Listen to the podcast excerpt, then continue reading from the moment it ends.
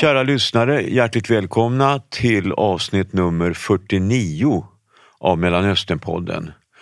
Och vi har bestämt oss för att göra en förlängning av den ursprungliga podden och det känns helt rätt att göra det just nu.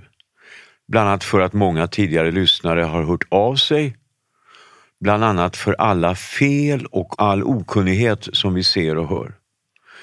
Rapporteringen om kriget är överlag tunn, det saknas ofta analys, men det är inte så konstigt. För det är svårt att rätt bedöma vad som händer. För vi har aldrig varit just här tidigare, menar många bedömare. Aldrig ens i närheten.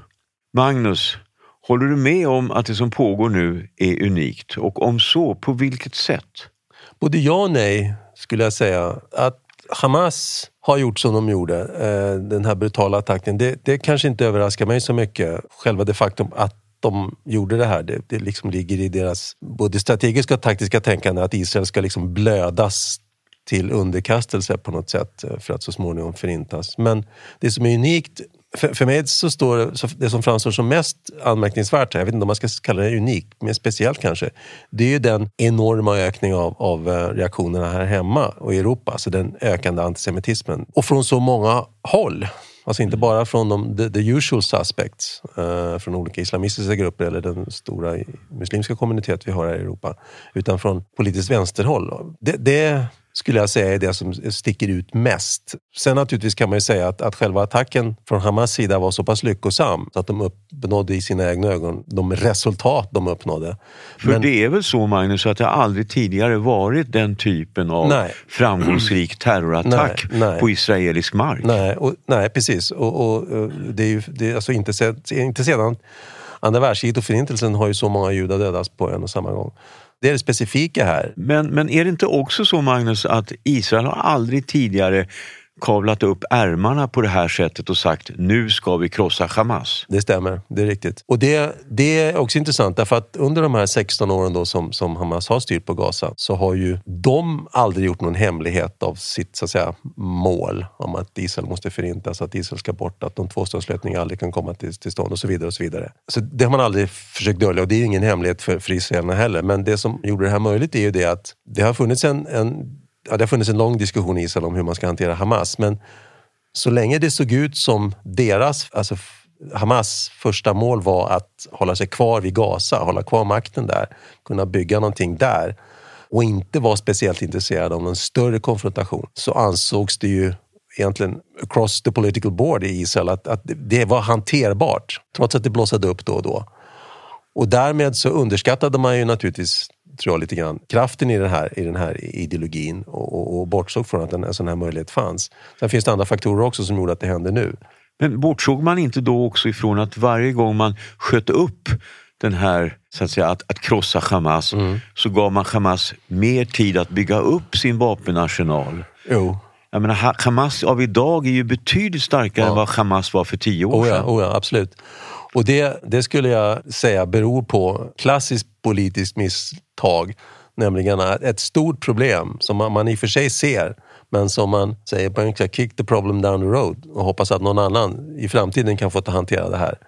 Med andra ord, man skjuter upp man skjuter till nästa upp regering? Ja, eller nästa regering och nästa regering. För så länge det ser ut som det funkar så slipper man ha ett, ett, större krig. Då slipper man ha en större konfrontation. Då slipper man ha en större konflikt. Och, och eh, Israel vill man, inga, vill man inga val på att gå i krig. Eh, eh, tvärtom. Så att jag, jag, tror att det är, alltså det är, man kan säga att det är underlåtenhetssynder, men de är ganska egentligen lätt att förklara eh, eftersom det i alla fall på ytan såg ut som om att, att eh, Hamas skulle framförallt vara nöjda med att, att skapa sig den här positionen här.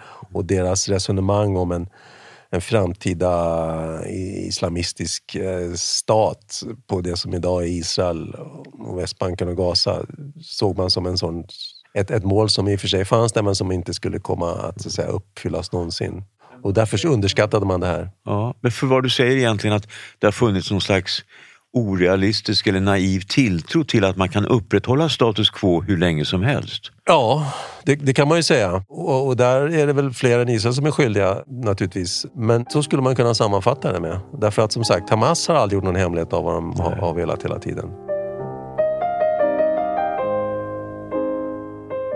Alltså om vi backar tillbaka lite grann kring det här perspektivet att här finns det saker och ting som vi aldrig har sett förut. Mm. Det finns ju flera erfarna Mellanösternbedömare från New York Times, och The Guardian, Sveriges Radio, Dagens Nyheter och så vidare som alla säger samma sak, nämligen de har aldrig tidigare upplevt ett så djupt och oförsonligt hat från bägge sidor. Jag vet inte om jag riktigt håller med om det.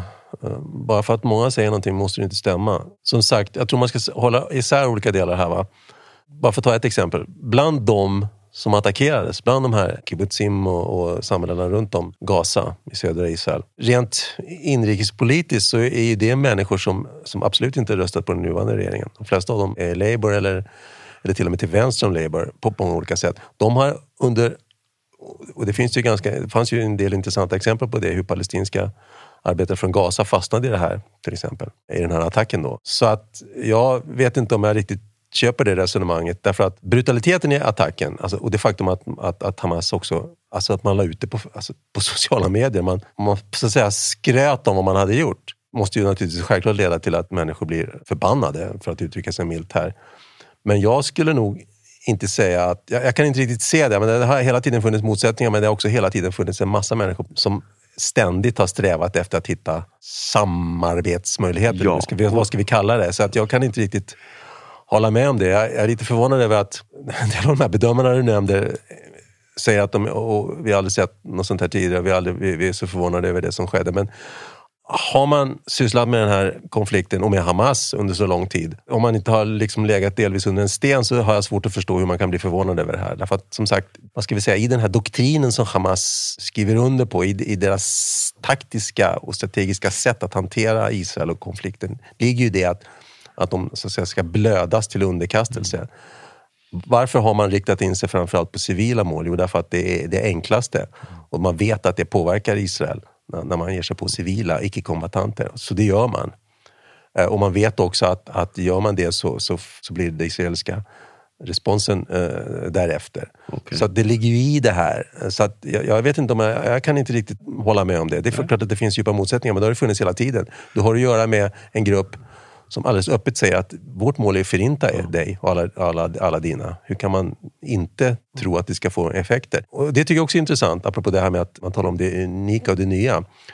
Men det är mer reaktionen här hemma också och, på andra håll i Europa, att man blandar ihop Hamas och säger att Hamas det är palestinierna. Och det, det är ju en förenkling som är, är pinsam att höra. Men, men den retoriken finns ju också. Den har inte funnits på samma sätt tidigare skulle jag säga. Under tidigare tillfälliga då stridigheter, jag menar 2008 till exempel, eller 2014 eller 2019. Mm. Så det är också någonting nytt skulle jag säga. Okay. Kriget har nu pågått i två månader. Vi har ingen aning om om vi är i början eller slutet. Och det finns några bedömare som tror att det kommer att vara i flera år.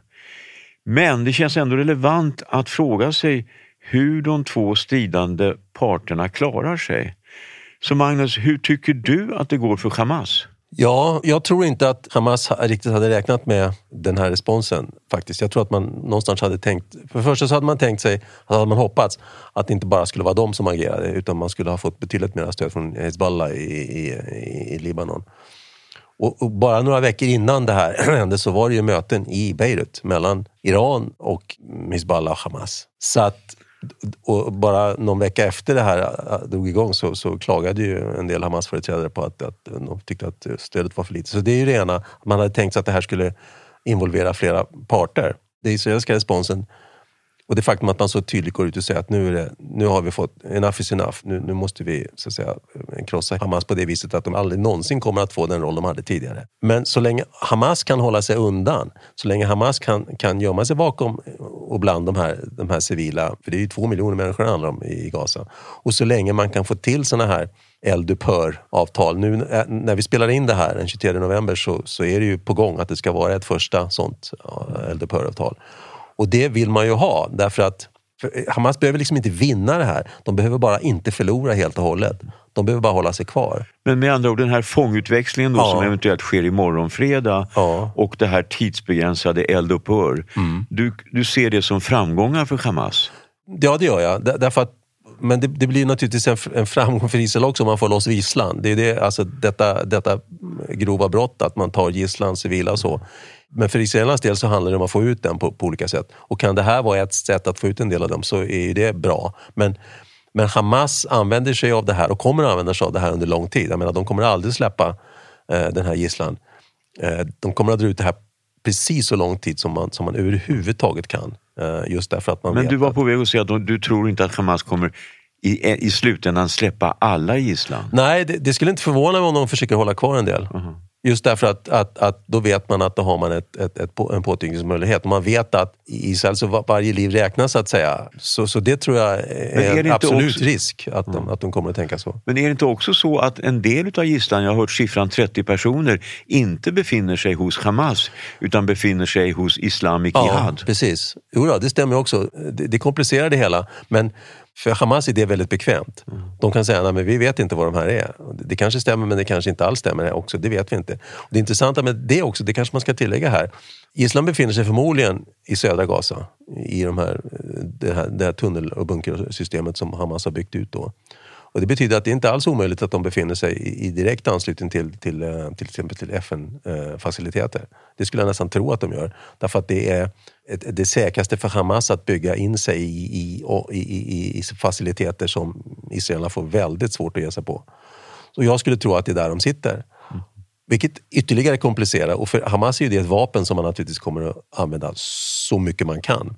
Samtidigt har de naturligtvis fått ordentligt med smörj så här långt. Och, och deras chans ligger ju i att omvärlden kan pressa Israel till att, om inte helt upphöra, så i alla fall okay. mer och mer eldupphör-avtal. Okay. Så att säga. Precis som du säger, alltså, man måste ju konstatera att Israel vinner mark. Mm. Israel går framåt, mm. ovan och under jord. Ja, det gör de. Samtidigt som man måste hantera ett antal kännbara förluster. Mm. Och det finns idag i Israel en mindre tilltro till landets ledning, en mindre tilltro till landets försvar. För en del av de här kibbutzerna nere i närheten av Gaza tog det åtta timmar innan Israels mm. armé kom fram. Mm. Och på samma sätt så finns det ju en mindre tilltro för den israeliska säkerhetstjänsten, såväl Shin Bet som Mossad. Mm. Det finns ett antal, stort antal israeler idag som tänker Vet de verkligen vad som försiggår hos fienden? Mm. Har de koll vad som händer på andra sidan? Men det finns ju andra förluster som, som också är kännbara för Israel. Eh, man har evakuerat cirka 130 000 personer från norra och södra Israel. Inklusive 30 000 från staden Kiryat Shmone mm. och 20 000 från staden Sderot. Mm. Och Det här är naturligtvis någonting som påverkar den israeliska ekonomin. Plus att man kan säga att Hamas och Hizbollah har fått Israel att krympa i storlek. Israel idag är något mindre än vad det var tidigare. Visserligen bara under en temporär period, ja, men ja. ändå. Men sen finns det ju en mer, ska vi säga, existentiell förlust. Nämligen förlusten av en del av staten Israels existensberättigande. Meningen med Israel när staten grundades 1948 var ju bland annat att kunna erbjuda en säker hamn för alla judar. Mm. Och riktigt så är det inte. Och det finns ju många bedömare som talar om att när det här kriget är över, oavsett hur lång tid det tar, så kommer Israel att drabbas av en brain drain. Unga välutbildade människor som håller på med IT och startup-företag och liknande kommer förmodligen att lämna Israel. Jag vet inte hur sant det är, men det är intressant Nej. att den här diskussionen pågår. Vad kommer hända med Israel när kriget är över? Mm. Och därutöver, om vi nu pratar om förluster, så måste man ju naturligtvis inkludera alla dödade, alla skadade och alla som sitter fångna i tunnlarna under Gaza. Och Israel är ju ett litet land och alla förmodligen känner någon som har drabbats. En släkting, en vän, en granne, någon på arbetet och så vidare. Så att jag tror att man ska vara medveten om att Israel är i krig och samtidigt så är nationen i sorg. Mm. Ja, det tror jag. Men om vi återvänder till det som vi pratade om tidigare, en unik kanske dimension i det som händer handlar alltså om att Israel aldrig tidigare har lovat sina medborgare att Hamas ska krossas. Och då är frågan, är det verkligen möjligt? Vi pratar om 40 000 soldater, vi pratar om cirka 50 mil tunnlar med kommandocentraler och vapenfabriker. Vi pratar om en organisation som har haft många år på sig att förbereda sig. Vi vet att i krig i en stad vanligtvis kräver sex döda anfallande soldater mot en död försvarande mm. om man ska ta över. Vi pratar om en politisk rörelse som inte bryr sig om hur många oskyldiga palestinier som dör och som är stolt över att vara en nation av martyrer. Somliga bedömare lyfter fram att det tog nio månader att befria staden Mosul från IS och betonar då att Gaza är en mer omfattande utmaning. Mm. Så Magnus, vad tror du? Tror du att det går att helt förgöra Hamas? Ja, det gör det. Men låt mig kommentera det här med, med, med sex och en till exempel. Det är ju siffror som är tagna i andra sammanhang. Jag tror man ska vara lite försiktig med den typen av jämförelser därför att det handlar ju också om att man ska, i så fall man ska ta över någonting. Eh, och det, det, är inte frågan om det här. Israel har ju inga planer på att, att, att, ta över Gaza. Det är inte det det handlar om här. Utan det handlar om att slå ut de som finns där och då, då behövs det inte riktigt, då är, då är inte de här dimensionerna som, som, som, som är giltiga egentligen. Utan det handlar bara om att, så att säga, det bara, men det handlar om att slå ut de som finns där. Men betyder inte det att man tar över jo, för, Gaza? För en tid, nej, ja, för, för en tid kanske, men slutmålet är ju inte det. Eh, utan det är, det är ju att, att krossa Hamas militära och politiska så att säga, struktur och position okay. i men, Gaza. Men tror du att det är möjligt ja, att krossa Hamas ja, det är, ja, det är absolut, det är absolut möjligt. Och vad får dig att säga och, det? Ja, det? Det är möjligt, men det kommer att ta tid. Därför att, det diskuterades redan innan det här drog igång. Då. Eh, ehm, det tog ju några veckor innan, innan den här motoffensiven kom igång på allvar. Och det berodde delvis på att man funderade på sättet man skulle göra det på. Men det sätt som Israel har valt, det är ju att vara väldigt metodiska och beta av område för område. Man delar in eh, eh Gaza i, så säga, i kvadranter och så går man igenom varje kvadrant egentligen. Slår ut alla tunnlar man hittar, så att säga, krossar det motstånd som finns på varje kvadrant. Och det är så man gör, därför att metodiskt sett, det är liksom det, det bästa sättet att göra om, man, om du verkligen, verkligen, verkligen vill se till att infrastrukturen som Hamas har byggt upp förstörs. Men det tar också tid. Det handlar om om Israel verkligen har den tiden och det är ju mera osäkert. Ja, för då är vi inne på i vilken utsträckning kommer Israel att bli påverkat av ja. att omvärlden, kanske till och med USA, ja. till slut vänder sig mot den judiska staten. Ja. Jag tror inte att de vänder sig mot den judiska staten, men jag, men jag tror att de, och det är det Hamas hoppas på här, va? att trycket på Israel, just därför att det, det, det drabbar eh, icke-kombattanter och civila i ganska hög utsträckning, även om man eh, försöker undvika det, så undviker inte Hamas det. Och den politiska pressen kommer naturligtvis att öka. Den är ju redan ganska omfattande från olika håll. Och det är det som Hamas hoppas på ska hända, så att säga. Att man blåser av det här innan de, innan de har så Men vad tror du om Israels möjligheter att stå emot den pressen ja, från det, omvärlden? Det är en väldigt bra fråga. Det, det, då handlar det väldigt mycket om vad USA gör naturligtvis. Mm. Gör det, till viss del. Men, men för israelerna så är man ju helt klart på vad som behöver göras, så att säga. Och det, det tror jag i och för sig att jag menar, både alltså, tunga instanser, läs USA och EU, har ju klart och tydligt sagt att det, man är helt inställd på att Hamas måste bort här. Mm. Frågan är bara hur det ska gå till. Mm. Uh, och om, om du kan hitta någon modell för att göra det utan att gå vidare militärt, vilket jag inte riktigt kan se nu, men om det skulle vara möjligt så visst.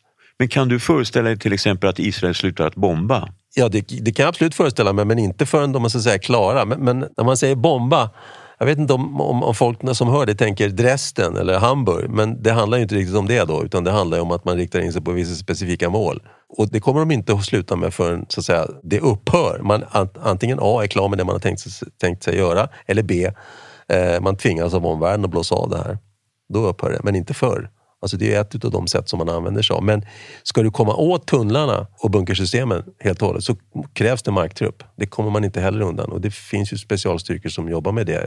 De israeliska, delar av de israeliska ingenjörstrupperna är ju specialutbildade för att hålla på med det här.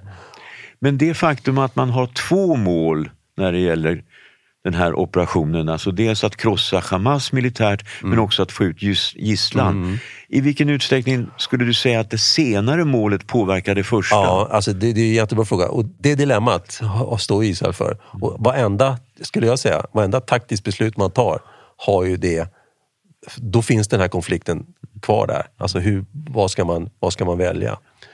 Eh, och, och, där har det ju varit en diskussion eh, mellan olika delar av den, av den israeliska ledningen, då, både den militära och den politiska, vad man ska prioritera.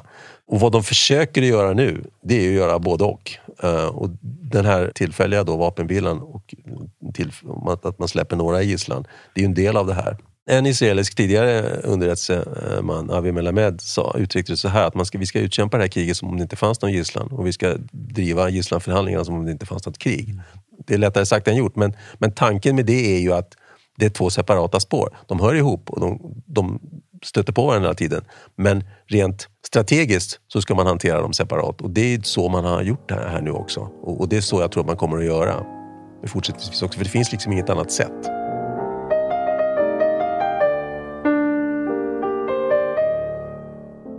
Men om vi backar tillbaka till det som vi sa tidigare, nämligen att det har funnits en medvetenhet hos den israeliska militärledningen att förr eller senare så måste man krossa Hamas. Mm. Det är mm. oundvikligt. Mm. Och enligt en högt uppsatt israelisk militär så måste Israel i tur och ordning hantera Hamas och sedan Hizbollah som är en betydligt större utmaning mm. och ett projekt som kan leda till krig med Iran.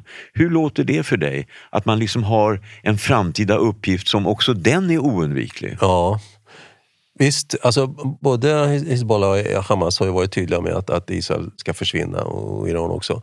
Ja, och när vi säger det så, ska, så är det viktigt att ha klart för sig att det faktiskt det är allvar. Det är inte, det är inte bara retorik eh, från den sidan. Men det är skillnad ändå här. Va? För Hizbollah är inte ensam herre på täppan i Libanon på samma sätt som Hamas är herre på täppan i Gaza. Hizbollah måste ta hänsyn till den, till den verklighet man lever i. Och, och eh, jag som har så många kontakter i, in, inom även den shia-muslimska delen i Libanon kan ju säga att det finns ingen önskan om att ha ett krig med Israel. Alls, på något sätt. Och där är det, enk, är det enklare inom citationstecken därför att efter kriget 2006 då, mellan Hizbollah och Israel så, så kom det ju till en, en ehm, ja, det kom till flera FN-resolutioner, men den viktigaste skulle jag säga är den som eh, säkerhetsrådets 1701. Och den sa att Hizbollah får inte ha trupp söder om Litanifloden. Där, där ska eh, FN, det vill säga Unifil, United Nations Interim Force for Lebanon, agera och även reguljär libanesisk eh, eh, milis eller armé, styrkor får vara där.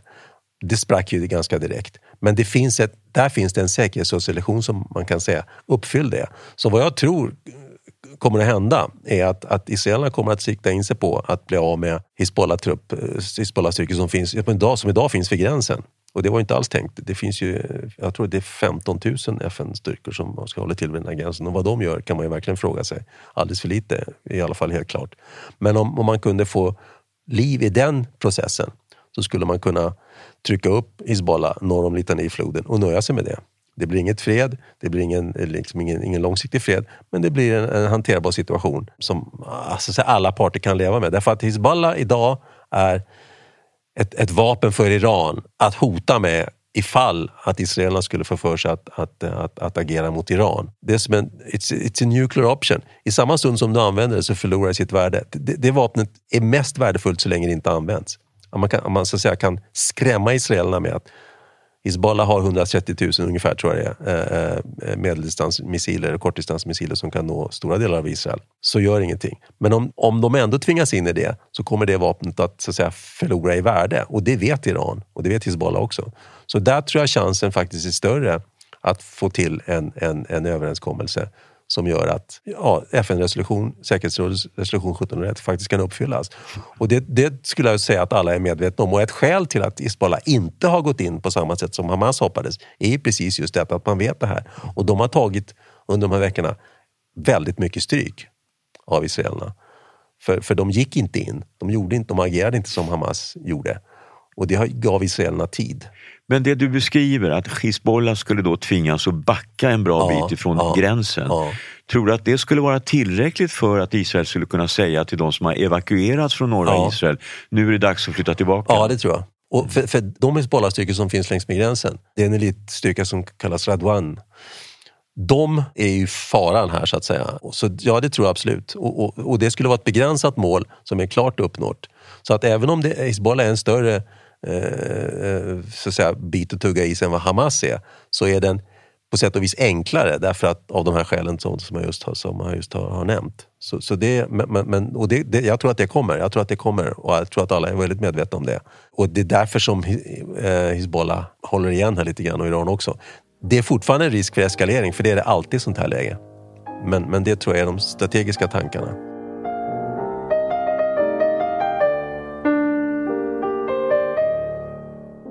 Så när man lyssnar på dig nu, Magnus, då får man en känsla av att Israel trots allt inte ligger så risigt till.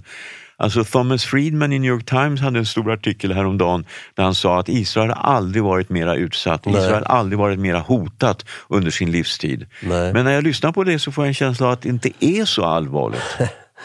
Nej, jag har, inte, jag har inte läst den artikeln. Så här, eh, med tanke på vad han har sagt tidigare så handlar det väl väldigt mycket om att, att hotet också kommer utifrån på det viset att, att, att den här ökade antisemitismen är så stor och är så rättfram och vältalig och finns på så många olika håll där den inte har dykt upp tidigare. Det tror jag är, är, är hotbilden här. Därför att för Israel så handlar det här om tid. Har man tid så, så, så, så, klarar man av det här. Men alltså Friedman pratar ju om att Israel idag utsätts för tryck eller hot från sex olika fronter. Ja. Och en av de här fronterna är Västbanken som vi inte har pratat Nej, precis, om. Just det. Nej, men det, det har han helt rätt i. Och, och, och, det är den eskaleringen som Hamas nu hoppas på ska ske. Va? Att, det ska bli, att det ska blossa upp på flera olika håll. Det är helt korrekt. Och apropå det du sa tidigare om, om de här olika förlusterna som Israel har. Att, att regeringen har tappat i förtroende.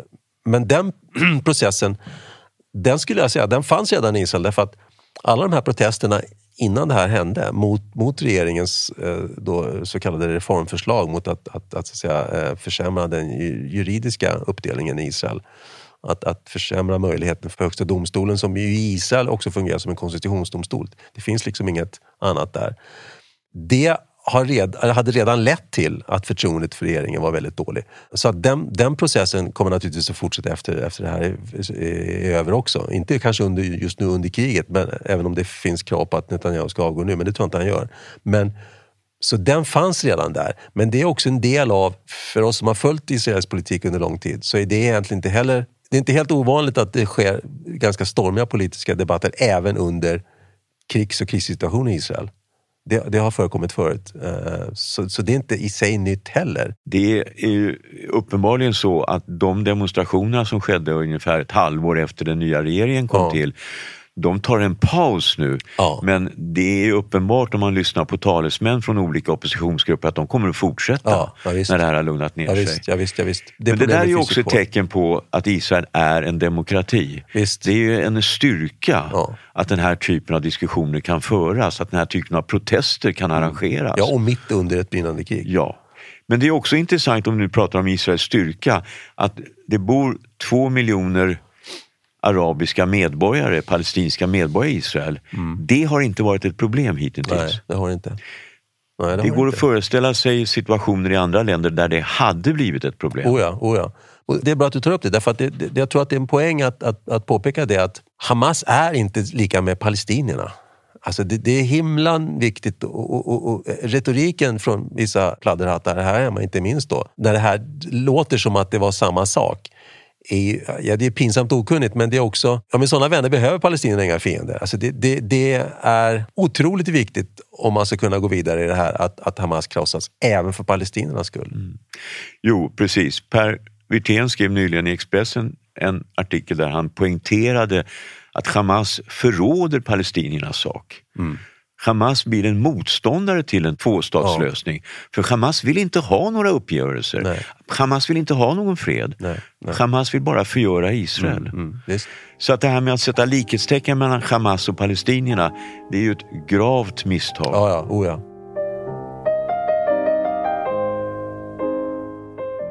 Låt oss ändå stanna upp kort inför palestinierna. Därför att palestinierna i Gaza, de omnämns för det mesta endast som offer. Nästan aldrig som aktörer. Och vi ja. talar ju ändå om två miljoner människor. Mm. Och frågan är då om de på något sätt har ansvar för det som händer nu. Mm. Magnus, vad säger du? Hade de på något sätt kunnat förhindra det som nu sker? Ja, det, det, är, svårt att, det är svårt att se det eh, med tanke på, på den, den, den maktposition som Hamas och dess milis har skaffat sig. Bara under sommaren till exempel här i juli så var det ju demonstrationer mot Hamas i Gaza eh, som slogs ner rätt blodigt. Eh, och det, och det, det, inom parentes sagt, det, det är väl värt att märka att alla de som nu är ute, eller många av de som nu är ute och hojtar och skriker om Palestina, de var väldigt tysta då. Och den typen av demonstrationer har dykt upp tidigare också. Och det krävs ju ett visst mod eftersom Hamas styr med järnhand på Gaza. De tolererar ingen opposition överhuvudtaget. Och det där, det där är en fråga som dyker upp i, i flera olika sammanhang. Så att säga. Mm, hur mycket ansvar har man som, som, som, som medborgare? Eh, ja, det kan man ju säga att man har. De röstade ju på dem 2006 till exempel. Ja, men det är länge sedan. Ja, det är Samtidigt så det finns ju människor som säger att folk får de ledare de förtjänar. Ja. Men då tycker jag att det är viktigt att poängtera att Hamas styre i Gaza är lite grann som Nordkorea. Ja, ja, visst. Alltså, man kan säga att palestinierna i Gaza lever under två ockupationer. Mm. Ja, de lever i alla fall under, ja, nu, den militär som finns där är Hamas. från 2007, eller från 2005. Då försvann ju israelerna därifrån. Sen dess är det Hamas som, som, som har styrt där.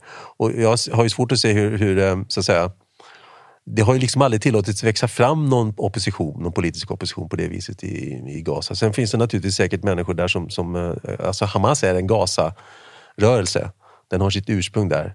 Eh, och det är klart att det finns många där som stöder dem. Och, och, det, finns, det ska man inte heller sticka under stol men det finns många som gärna såg att Israel försvann och, och det gjorde man även innan det här hände.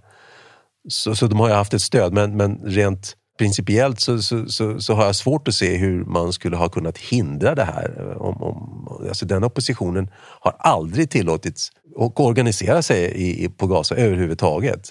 Alls. Men då är det intressant också att konstatera att The Arab Barometer som är en del av Princeton University mm. gjorde en ganska omfattande opinionsundersökning som avslutades den 6 oktober, just, alltså precis. dagen före massakern.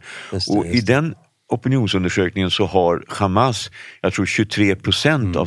som stöder mm. dem mm. under det att 77 procent skulle vilja bli av med Hamas. Ja, så det är möjligt att det finns ett stort missnöje i Gaza när det gäller Hamas. Ja, det gör det ju. men det ska man också säga, det är naturligtvis notoriskt svårt att göra opinionsundersökningar i såna här, på sådana här samhällen. Uh, The Arab Barometer är, är ju en av de få seriösa aktörerna där. Det finns en del andra också. Men flera av de personerna kan ju också så att säga, säga att de är emot en tvåstatslösning. Alltså det finns motsättningar i de här siffrorna där till synes motstridiga uppgifter kommer fram hos samma personer med, med, i olika frågeställningar. Med andra ord, man kan vara motståndare till Hamas ja, och samtidigt motstånd, till, motståndare till en tvåstatslösning. Ja, det kan man absolut vara. Och, och, allt det här komplicerar naturligtvis bilden överhuvudtaget men det, jag tror att det är otroligt viktigt att ha med sig det här därför att inte det här heller är egentligen nytt. Alltså, de här, det gjordes ju undersökningar under Osloprocessen då, när den drog fart i slutet på 90-talet. Och det visade lite på samma liknande motsättningar. Så att man, man ska ha med sig det här, uh, tror jag, när man, när man försöker fundera på vad som kommer att hända. Men var det inte så att under Osloprocessen hade Hamas väldigt då, låga siffror, väldigt lite stöd? Ja, wow. De hade ju mer stöd på, på gasen på Västbanken, det hade de ju. Jo, uh, men, men, att stödet och, sagt, gick ner under Osloprocessen? Ja, i, i slutet på 90-talet så gjorde den det. Men sen så ökade det ju i takt med att uh, Arafat korrumperade den palestinska myndigheten så duktigt. Så att, där finns det ju heller inget alternativ just nu, uh, dessvärre. Om vi lyfter blicken lite grann och tittar ut över regionen så finns det ju en aktör som har varit aktiv och förhållandevis viktig just nu, nämligen Qatar. Mm. Hur ser du på Qatars roll? Vad är det Qatar är ute efter om vi nu pratar om kriget och Gaza? Ja, Qatar är ju, är ju ett, ett, ett, intressant land. Dels har de ju en stor amerikansk militärbas där, uh, så de har ju en, en, en, en tyngd, även om det är ett litet land med bara 300 000 invånare i. Uh, det finns fler gästarbetare än, än vad det finns medborgare i Qatar. Men det är samtidigt Qatar som har varit, är Muslimska brödraskapets bank. Det är där flera av Hamas eh, externa ledarskap bor. Det är tack vare Qatar som Hamas har fått en stor del av sitt ekonomiska eh, bidrag. Så de har bidragit till den här terrorrörelsens eh, eh möjlighet att Och varför att gör de det? Jo, därför att man vill ha en möjlighet att påverka åt alla håll. På det här viset så är man, är man säkrad för så att säga, islamistiska terrordåd i Qatar med den amerikanska basen är man också säkrad att man har USA bakom ryggen. Jag tror kanske inte att i längden kommer det här att fungera något vidare, men, men så har man agerat hittills och det har man ju gjort med ganska lyckosamt faktiskt. Och, och, jag, och jag, tror att, att skulle Qatar pressas här, um, till exempel, på olika sätt, så tror jag att man ganska lätt skulle ge upp Hamas. För det, det är mer värt för dem att ha bra relationer med, med, med USA, Europa och de andra länderna i GCC till exempel, än vad det är att stödja Men Hamas. vad vinner Qatar på att aktivt gå in och medla och skapa fångutväxling och ett temporärt eldupphör? Man vinner ju det att man visar att man har en roll att spela här. Va?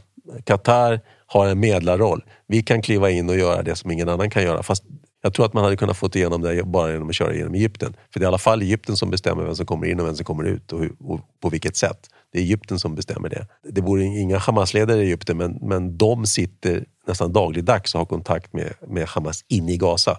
Och det är också viktigt därför att det är Hamas inne i Gaza som bestämmer och avgör vad som ska ske och inte ske. Det gör inte det externa ledarskapet i, i, i Doha. Och det, det, är en poäng där. Va?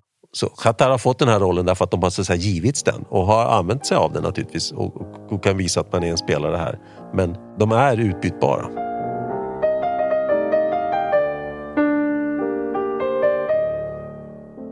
Okej, om vi nu går vidare och försöker att hitta lite ljus i den här konflikten, i det pågående kriget, så tänker jag att någonting som ändå är uppmuntrande är att tvåstatslösningen har diskuterats, den har nämnts, den har kommit upp på bordet. Inte på allas bord och kanske inte mitt på bordet, men den finns med på något sätt. Hur ser du på det? Tror du att till exempel USA skulle kunna pressa Israel så att när det till slut blir någon form av överenskommelse, någon form av slut på kriget, så innebär det också att Israel kanske har förbundit sig till framtida förhandlingar. Ja, jag tror att det ligger i framtiden och jag tror inte att... Det beror lite på vem som är president i USA nästa år skulle jag säga. Hur, hur, huruvida det kommer att fungera eller inte. Men, men, men, men Bidens sätt att hantera det här har ju varit att arbeta med israelerna som någon som man kan lita på. Och det kommer man ju längre med än att försöka pressa israelerna. Det, det, det har inte funkat någon vidare bra. Men samtidigt så har ju Biden möjligheter om han skulle vilja att pressa jo, israelerna. Men, men, vad, alltså, grejen är att det är inte någon bra utgångspunkt för att få igenom saker och ting när man gör det med, med, med en annan liberal demokrati eh, allierad. Det, det, har liksom egentligen aldrig fungerat något vidare bra. Och, och dessutom, det, det inrikespolitiska israeliska livet här är ju viktigt här. Va? Det är också ganska avgörande. Men Netanyahu är inte intresserad av någon tvåstatslösning. Och att, att han skulle ändra ståndpunkt där med den här regeringen som sitter där nu, det, det kan jag inte se.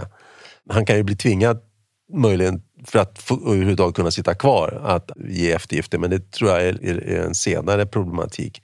Utan jag tror att, jag håller med om att det, det har kommit upp på ett sätt som det inte har gjort tidigare, tvåstatslösningen. Och det har diskuterats på massa olika håll. Det, det kanske inte är så förvånande att det har gjort det, för det har ju egentligen funnits där hela tiden. Och det, det finns ju en, en, en, ganska stor möjlighet också att, att, och det har jag själv hört från, från, från Israel och på olika, olika delar av, av Israel och på olika delar av den politiska kartan som säger att när Hamas väl är utslagna och borta från den position de har haft, då finns det möjlighet att, att bygga upp någonting nytt. För man ska ha klart för sig det, att det ser ut som det gör nu, att, att fram till den 7 oktober, det har att göra med att Hamas har kunnat styra som man har velat där, på sätt och vis. Ta bort det, då måste du hitta någonting annat. Då måste det bli någonting annat. Vad, vad menar du mera konkret? Vad skulle kunna ersätta Hamas? Ja, jag tror att på, på lång sikt så måste Gaza knytas ihop med Västbanken som det var tänkt från början med Osloprocessen och, och även innan det också. Det, det, finns ing, det, var, det var ju poängen med Osloprocessen. Okay. Och, och när du säger knytas ihop, ja, vi pratar om en, en, stat, en, en sammanhängande ja. yta på ja, något sätt. Ja, ja, precis, med precis. någon slags eventuell autostrada mellan Västbanken och whatever. Gaza. Det finns, det finns mängder med förslag när det gäller det där mm -hmm. och, och som togs fram under Osloprocessen. Alltså det fanns tekniska kommittéer, tror jag det kallades, som satt och plockade, som tittade på ekonomi, utbildning, infrastruktur, you name it. Allt fanns med. Och, och det är jag ska säga, mer eller mindre färdiga blueprints som togs fram och det kan man plocka fram igen. Så när man kommer så långt i processen, då finns det färdiga alternativ, färdiga förslag som man kan titta på. Som är framtagna av båda sidor, både, både, både israeler och palestinier. Med andra ord, vad du säger är att det måste hända ett stort antal andra saker innan man kommer Ja. fram till en tvåstatslösning. Ja, definitivt. man letar ju, jag gör det, man letar ju efter ljus, man försöker se Mm. uppmuntrande signaler och liknande. Och ett sånt uppmuntrande perspektiv är hur många på bägge sidor under de det stora antalet fredsförhandlingar som faktiskt har ägt rum. Hur många som på bägge sidor verkligen försökte att få till ett deal och som kompromissade och som gav upp och som på något sätt eh, verkligen accepterade förluster för att man skulle få till en överenskommelse. Sen blev det ingen överenskommelse därför att maximalisterna på bägge sidor vann igen och igen. Men det är ju ändå någonting uppmuntrande med att vi har varit nära. Ja. Vi har varit relativt nära flera gånger. Absolut, och det, och det, och det tror jag fortfarande. Alltså att, att eh, allt det här finns ju kvar. Jag menar, det, det känns som en, en annan tidsålder men, men eh, i, i början på Osloprocessen där så patrullerade ju till exempel israelisk och palestinsk militär tillsammans i Gaza. Det fanns ju många roliga bilder på det med, med de här jeeparna som körde runt där eh, med gemensamma patruller och på, och på Västbanken. Allt det här finns naturligtvis kvar. Allt, alla de här processerna, alla de här förslagen, allt finns kvar. Plus att det naturligtvis finns en massa människor också kvar som, som är intresserade av att det här ska fungera. Så det är ju naturligtvis någonting att och kanske hänga upp sig på lite grann när man tittar framåt. Att, att allt det som gjordes en gång är inte borta. Det går att börja om där. Vi kommer att fortsätta med några avsnitt till utav Mellanösternpodden och i nästa avsnitt så ska vi prata om hur kommer eventuellt framtiden att se ut? Vilka olika modeller finns det när Hamas då eventuellt har slagits ut? Exakt. Och det avsnittet kommer att läggas ut den 12 december. Alltså en vecka från idag. Ja. Så kära lyssnare, återkom gärna till Mellanösternpodden och ni hittar den på Spotify och på en mängd andra plattformar. Tack för idag. Tack för idag.